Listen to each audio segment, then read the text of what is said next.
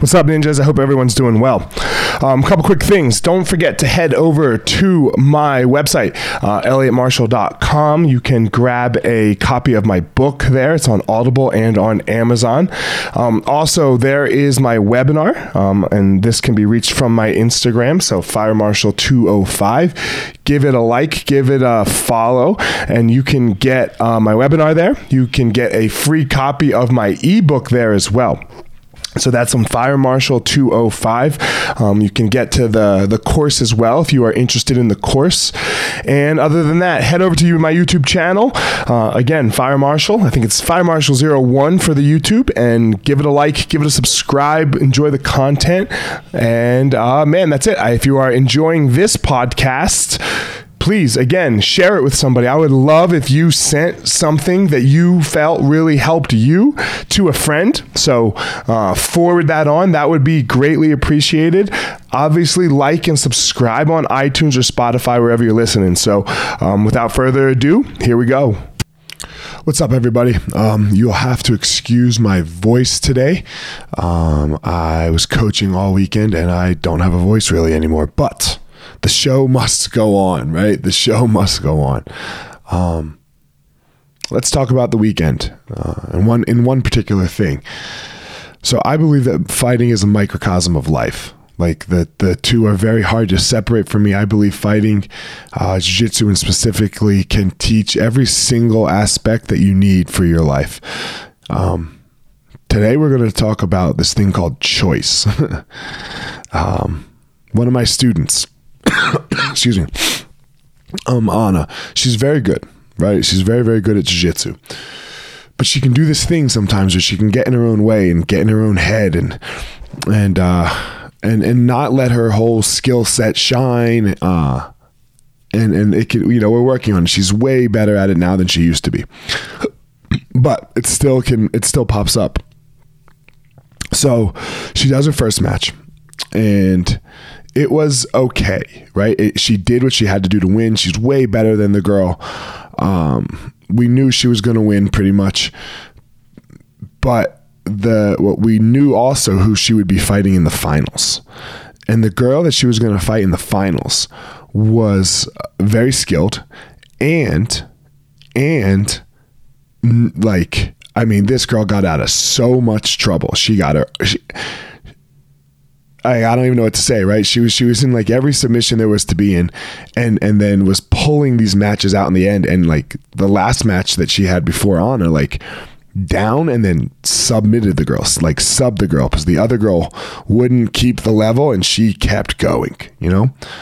So I said to Anna, I was like, look, we can't have a match like we just had. Like this next match, we need I need all like you have to be present and going the entire match and she understood. And then right before she went on the mat, I like grabbed her and pulled her over and I said, "Hey, this match is going to be a choice. The skills are going to be similar, but at some point, at some point someone's going to have to make a choice on whether or not they are going to make the win happen. It's not going to be a skill thing, it's going to be a mind thing." And I don't know what that would be because that could be a choice where uh, you know, like it was one move and one person gave up and then they just get trashed afterwards. So like we don't know how close that choice will be. In this instance, it, it ended up being very close. Like they were in this position and they were stuck in the position for a while. And literally it was either the girl was gonna keep Anna down or Anna was gonna force her way to the top. Anna forced her way to the top and the girl let Anna put her down. Not let her. Anna earned that shit, but still, the girl went down. And then Anna was able to get one more thing right away, immediately, and make it happen rather than just sit there and wait on, on the other person. That's choice. These choices, like the, that we make in our, are going to come to our life too. Choices just like this, where you're not quite sure what the result will be. It doesn't even make you win necessarily yet, but it, and it's small. Like this thing that Anna did to get ahead, it was so tiny. It was it was nothing. It, it was almost nothing. It wasn't even a point scored. It was an advantage. You know, if I don't want to get into jiu-jitsu scoring system, but it was like an almost thing. That that pushed her over the top to be the champion now. Choice. Choice is what that was, not skill. Not skill, not luck, not anything. And you know I'm a believer in luck, but this was not luck. This was a choice that you have to make to say, no, I will not be deterred. I will make this happen. I will. I will. I know who I am. I know what I'm capable of. I will. I will make the fucking choice to push. I will make the choice to to make my life improve. I will make the choice. I will.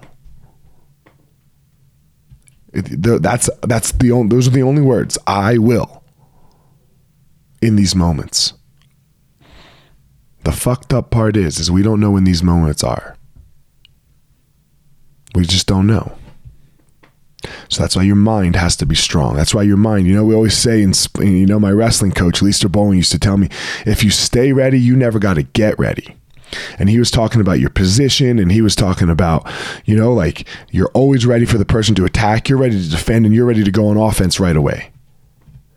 But if this, if your brain, if your mind stays ready, then you never got to get ready. You never got to get ready to make that choice because if you're if you're not ready to make the choice, if you're not in position to make the choice,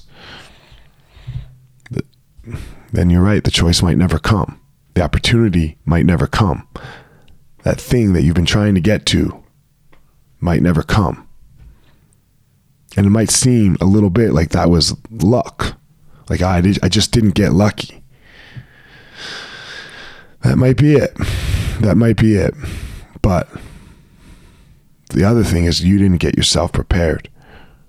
You didn't get yourself prepared to be able to make the choice.